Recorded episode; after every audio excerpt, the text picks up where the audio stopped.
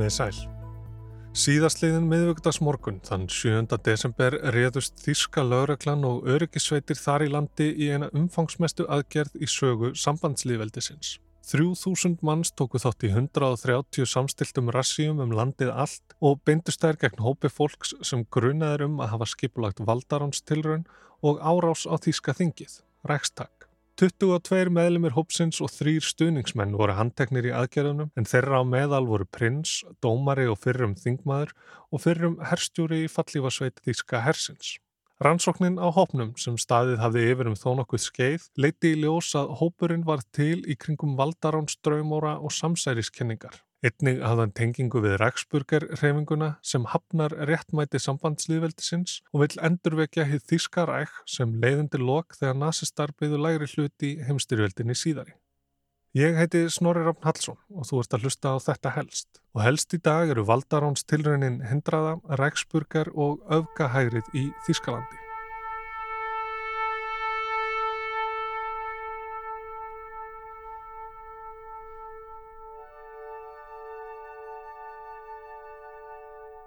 Aðgerðirnar hófust fyrir dagreiningu þegar sérsveitamenn réðust inn í hús í útkverfi Berlínar, Vanse, klukkan 6 um morgunin og hann tóku Birgit Malsak Vingemann fyrir um þingmann Alternatífið fyrir Deutschland.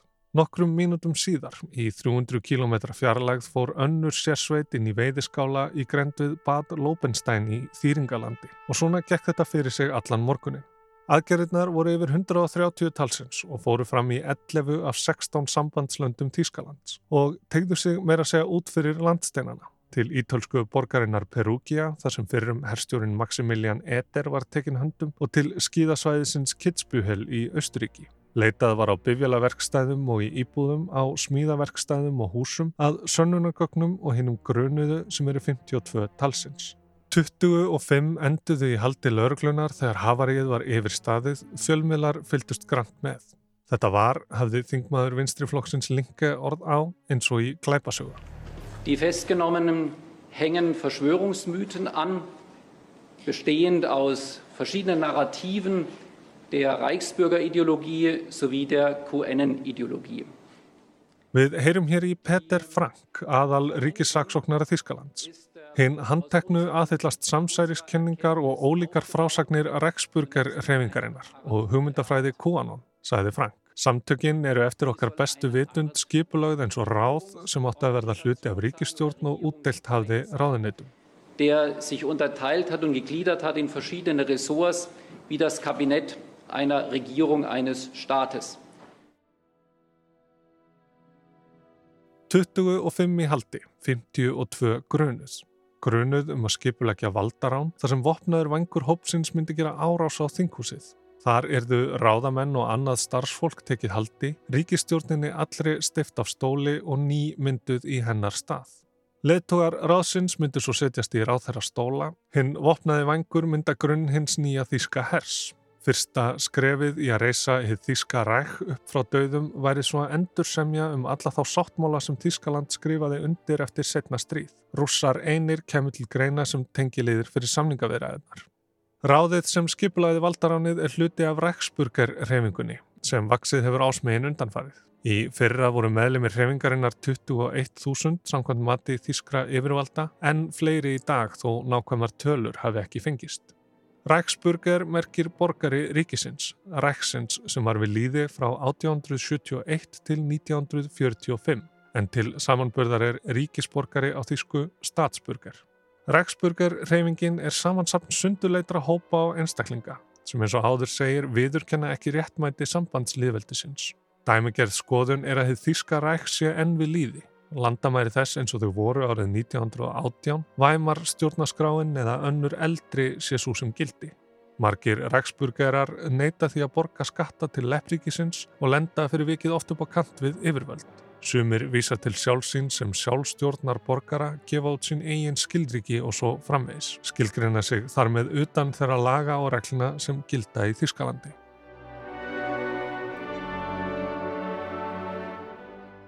Hreyfingin sver sig því ætt við Sovereign Citizen hreyfinguna í bandaríkunum, fullvalda borgara sem aftur hafna stjórnvöldum og beita fyrir sig undarlegri lagatólkun máli sínu til stuðnings. Þannig halda margir reksburgerar á lofti sáttmála sem austur og vestur Þískaland gerðu með sér árið 1972 en þar kemur fram að þið Þíska reks sé enn til staðar. Setna í sáttmálunum segir þó að þetta ræk sem vísað sér til sé þið sama og vestur Þískaland en það hunsa reksburgararnir. Talið er að um 5% reksburgara yfir þúsund manns séu öfgahægri sinnar sem hafi eða eru líklegir til að beita ofbeldi og hefur þessi vangur hreyfingarinnar orðið hættulegri með tímanum. 2014 reyndi hópurinn Frýriki Prústlands að smikla vopnum til Þískalands til að skapa sinn eigin uppreysnarherr. Þrýr sérsveitarmenn urðu fyrir skotum árið 2016 í grend við Nürnberg þegar sérsveitin gerði 31 vopn Ræksburgersins Wolfgang P. upptæk. Skotvopnarleifi hans hafi verið afturkallað í kjálfar endurtekina tilvika þar sem Wolfgang P. fór ekki að fyrirmælum yfirvalda og einn sérsveitarmannana lést af sárum sínum. Ræksburgerinn var dæmdur í lífstíðar fangelsi. Í öðrum rassíum hefur fundist fjöldin allur á vopnum og skotværum hjá meðlumum reyfingarinnar. Nú síðast í april 2022 var Ræksburgerhópurinn Ferrænti Patrióten, saminæðir föðurlandsinnar, stöðvaður vegna tilraunar til Valdaráns. Planið var að valda viðtæku ramagsleysi með því að sprengja spennistöðvar og ramagslínur stopna til borgarastyrjaldar. Tveir meðlumir hópsins höfðu einnig lagt á ráðin að ræna helbreyðisráð þeirra Þískalands Karl Lauterbach. Inn í þetta fléttast ekki bara Rexburger hugmyndafræðin heldur COVID-afneitun, óanæja með sótvarnaraðgerðir, hugmyndir um raflugur í bóluefnum og svo framvegis og svo framvegis.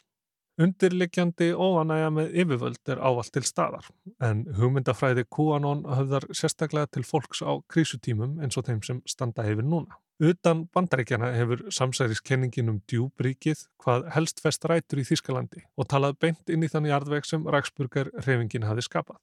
Undanfarið hafa fjölmörg mótmæli verið skipulögði í Þískalandi meðal annars gegn sótvarnar aðgerðum og er talið að með þeim hafi reyfingin sótt í sig veðrið og bætt við sig meðlumum. En aftur að Ræksburger ráðinu eins og við skulum kalla. Kastljósið hefur helst beinst að þremur einstaklingum sem kalla má forsprakkana. Það eru prinsinn, dómarinn og fyrrum þingmaður Alternatífi fyrir Deutschland og svo herstjórin.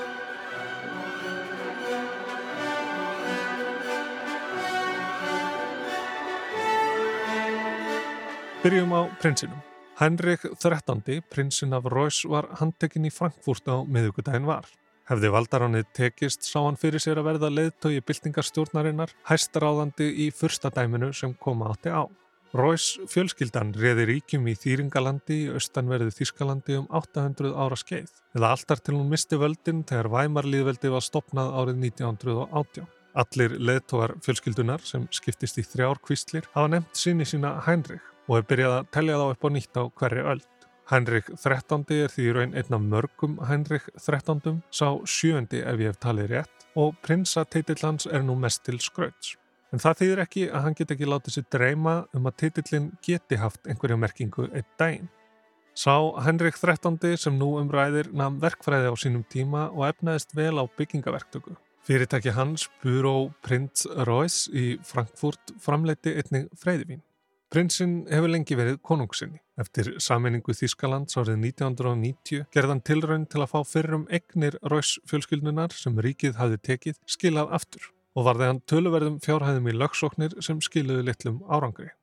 Hann hefur einnig verið ötull talsmaður þess að horfið verði aftur til fortíðar. Erlend átök hafi svift fjölskyldu hans rétti sínum og ekki nómið það heldur hafi afnám konungsveldisins valdið þegnum ríkisins ómældri þjáningu. Áður fyrir hafi fólk haft beinan aðgangað ráðamönnum ef eitthvað bjátaði á leitaði það til prinsins. En hvert getur það snúið sér núna? spurði Henrik XIII í ræðu á viðskiptaþingi í Sviss til þingmannsins í sambandslandinu á bundesþinginu Evrópuþinginu. Í ræðunni held hann í einning fram að Rothschild fjölskyldan og frímúrarareglan hefðu fjármagnað og stopnað til stríða um allan heim til að gera úti um konungsveldin. Sambandsliðveldi Þískalands væri þar að auki ekki fullvalda ríki heldur enn stjórnað af vestrænum bandamönnum úr setna stríði. Ræðuna flutt hann árið 2019 en síðan þá hefur hann hlotið aðteklið meðal þeirra sem aðhyllast samsæriskenningar og var rás hans á samskiptaforritin Telegram sem meðal annars er mikið notað af öfgahópum einn vinsalesta rásin í Þískalandi. Þar talaði hann á svipuðum andgýðinglegum og andlýðræðislegum samsærisnótum. Ráðstefnu haldarar hafa nú fjarlægt upptökuna af ræðinu af YouTube svo við getum ekki hirt hana lengur. En í ágúst þegar Henrik XIII varð meira ábyrrandi fjarlæði Róis fjölskyldan sig frá honum. Í viðtali við Ostu Thüringer Zeitung lísti Heinrich XIV, prinsinn af Reuss Greitz, honum sem ruggluðum og bitrum gömlum manni með brjálæðislegar samsærishugmyndir sem snúið hefði baki við fjölskyldunni fyrir mörgum árum. Reuss fjölskyldan tæki kvorki undir stjórnmálaskoðanir hans nýja sögurskoðun. Heinrich XIII er sem sagt myndur forsprakki þessa tiltekina Reksburger Hóps sem lagði á ráðinum Valdarán. Nokkrir meðlimir Hópsins höfðu flutt í Kastala sem prinsinn hafði sem sitt annað heimili en það urðu höfustöðvar Hópsins þar sem þau heldu fundi og reðu ráðum sínum. Lífsförunautur prinsins, hinn rústneska Vitalia B. var einnig handtekinn á miðugudagin var. Hennar hlutverk var að sögn að koma á samskiptum við rústnesk yfirvöld. Annarkort til þess að leita stuðnings eða hafa milligöngu um samningaviðræður að valdaráni loknu. Kreml hefur neitað allri aðkomuð að málinu. Næst er það Birgit Malsak Winkelmann sem taka átti við dómsmálaráðunitinu í kjölfar Valdaránsins, þeirri sem var handtekinn fyrst allra í vanse í útjæðri Berlinar. Malsak Winkelmann hefur verið meðlumur hægri populistaflokksins Alternative für Deutschland frá því að flokkurinn var stopnaður árið 2013 í kringum gaggrinni á Evrópusambandinu. Síðan þá hefur flokkurinn færst lengra til hægri viljað loka landamærum og orðið sífælt islamofóbiskara. Fyrir kostningarnar 2017, þegar Malsak Vingamann náði inn á þing fyrir flokkin, rak AFD herrferð með vegspjöldum, þar sem ávar mynd af tveimur konum á strönd, slagorðið Búrkur. Við viljum heldur bygginni. Malsak Vingelmann satt á þingi fyrir flokkin frá 2017 til 2021 og þegar valdaránið átt að fara fram var það hún sem átt að leiða hópin í gegnum þingúsið, en það kunnu húsakinnum. Í síðustu kostningum náði hún ekki inn á þing og snýri því aftur til fyrir starfa sem dómari en gengdi enn trúnaðarstörfum fyrir flokkin. Í oktober reyndi vinstri flokkurinn Linke að koma í vekk fyrir það. Hún gæti ekki talist óhlutræg vegna annara starfa sinna en allt kom fyrir ekki. Talsmaður hennar sagði þá að hún tilherði hófsama hluta AFD en ef prinsinn kom með Raksburger hugmyndafræðina inn í ráðið má egna Malsak Vingamann útlendinga hatrið og kúanón samsærið. Hún er yfirlistur trömpisti. Hefur meðal annars haldið í fram að innflytjendur berja með þessi sjúkdóma sem síklali vinni ekki gegn og vegna þess að þeir kunna ekki að lesa á fylgisæðla livja hafið þeir kostað þýska helbriðiskerfið miljardar evra í auka kostnað. Fulleringarnar hafa verið hrektar. Og þá komum við að herstjóranum, hennum 69 ára gamla Rödiger von Pescatore, hvers hlutverk átti að vera að leiða hinn nýja herr.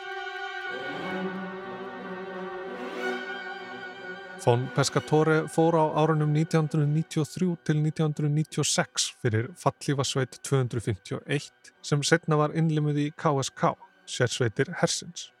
The Guardian greinir frá því að hann hafi verið rekin úr hernum fyrir óleifilega sölu á vopnum úr vopnabúri hins gamla hers austur Þískalands. En það er ekki eina auka hægrimálið sem KSK hefur verið viðriðið. Kallað hefur eftir því að sérsveitirnar verði lagðar af vegna fjölda slíkra mála. Árið 2020 var einn sveitin lögð niður eftir að laurugla læði halda á vopn og skotfæri í leit á landaregn eins hermana hennar í Saxlandi.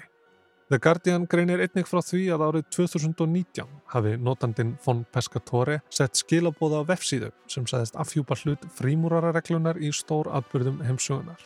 Skilabóðin voru þessi. Sannleikurinn verður mannkyninu aðeins aðgengilegur eftir að kerfin breytast. Hvort þessi von Pescatore sé svo sami og var handtekinn er ekki víst en verður það að teljast afar líklegt. Aðgerðirnar fyrir viku voru fyrirskipaðar af sérstakri stopnun í Þískalandi. Fer Fassungsschutz sambandsleini þjónustunni hvers hlutverk er að standa vörðum þýsku stjórnarskrána, fylgjast með og vinna gegn innlendum hriðverkahópum. Vegna þess að fjölmilar voru látnir vita af aðgerunum með alltaf tveggja vikna fyrirvara hefur því verið veld upp hvort um almannatengslabræð hafi verið að ræða. 50 ellilíferis þegar og samsæriskenninga nöttarar gætu aldrei kollvarpað ríkinu. En hversu mikil okn stafaði í raun af Ræksburgar ráðinu? Tómas Haldenvang, æðsti yfirmaður fyrir Fassung Schutz, sagði að taka þyrti ráðagerðirnar alvarlega. Almennt hefðu örgistofnanir landsins haft stjórn á hlutunum en oknin hefði verið raunveruleg. Ef við lítum aftur til 7. janúar 2021, þegar innrás var gerði í bandaríska þingkursið, sjáum við hvernig tiltölulega fámennur hópur getur gert slíka árás með alvarlegum afleðingum. Fimm manns létust í innrásinni, fjórir lauruglumenn sviftu sér lífi eftir hana. Ekki mátti miklu mun að slík atbyrðarás hefði átt sér stað nokkrum mánuðum fyrr í Þískalandi. Emtaði verið til mótmæla við búndestingið gegn sóttvarnar aðgerðum ríkisins. 2-300 manns gerðu áhlaup á þinghúsið og voru komin alla leið upp tröppunar þegar þau mættu nokkrum lauruglumönnum. Hætti mannskapurinn þá við en það var engin áallum til staðar um hvað er þið svo gert. Því eitt er að ráðast inn í þinghús en annað er að fremja valdarán og verður að teljast afar líklegt að Ræksburgerráðinu hefði tekist það fyrirnemda. Ólíklegra er að hópurinn hefði hlotið þann stuðning almenning sem þarf til að fremja valdarán en það átti að bera upp á dag X nokkus konar domstag öfga hærisins í Þískalandi þar sem líðræðið myndir hinja. Hugmyndin um dag X hefur lengi verið á lofti og hafa margir aðrir hópar undirbúið sig fyrir hann svo árum skiptir. Þess vegna söfnuði þeir vopnum. Kveikjan að degi X getur verið margskonar. Ramagsleysi eins og fyrir ændi patrióten ætluð að skapa, heimsfaraldur, óveður, stórslis og svo framvegs. Á degi X eruðu aðstæður hagstæðar og lauruglan myndi ganga til liðs við byltinguna, fólkið taka undir hana. Hvort sem dagur X var á næsta leiti eða ekki, vitum við að Rexburgerráðið var í hendarhug, tilbúið til að láta á það reyna. Eitt hinn að grunuðu sendi hinn um skilabóð á Telegram skömmu fyrir aðgerðir lauruglunar síðastliðin miðugudag. Öllu verður umturnað. Núverandi saksóknarar og dómarar sem á stjórnendur helbriðis yfirvalda og yfirmenn þeirra munu finna sig í hlutverki sakbortninga í Nürnberg 2.0. Ekkert verður af því að svo stöttu. 3000 laurugleþjónar og sérsveitamenn tóku þátt í 130 samstiltum rassím viðsvegar í Þískalandi. Rannsóknin heldur áfram og sakbortningar í komandi réttarhöldum er það ekki helbriðis yfirvöld saksóknarar og dómarar heldur hópur fólk sem læði á ráðin um valdarán í Þískalandi gerði sér líklegan til að ráðast inn í þingúsið, taka stjórnmálamenn haldi og koma á fyrsta dæmi undir stjórn hins 71 ás gamla Heinrichs 13. prinsins af Reuss, ruggluðum og bitrum gömlum manni með brjálæðislegar samsærishugmyndir.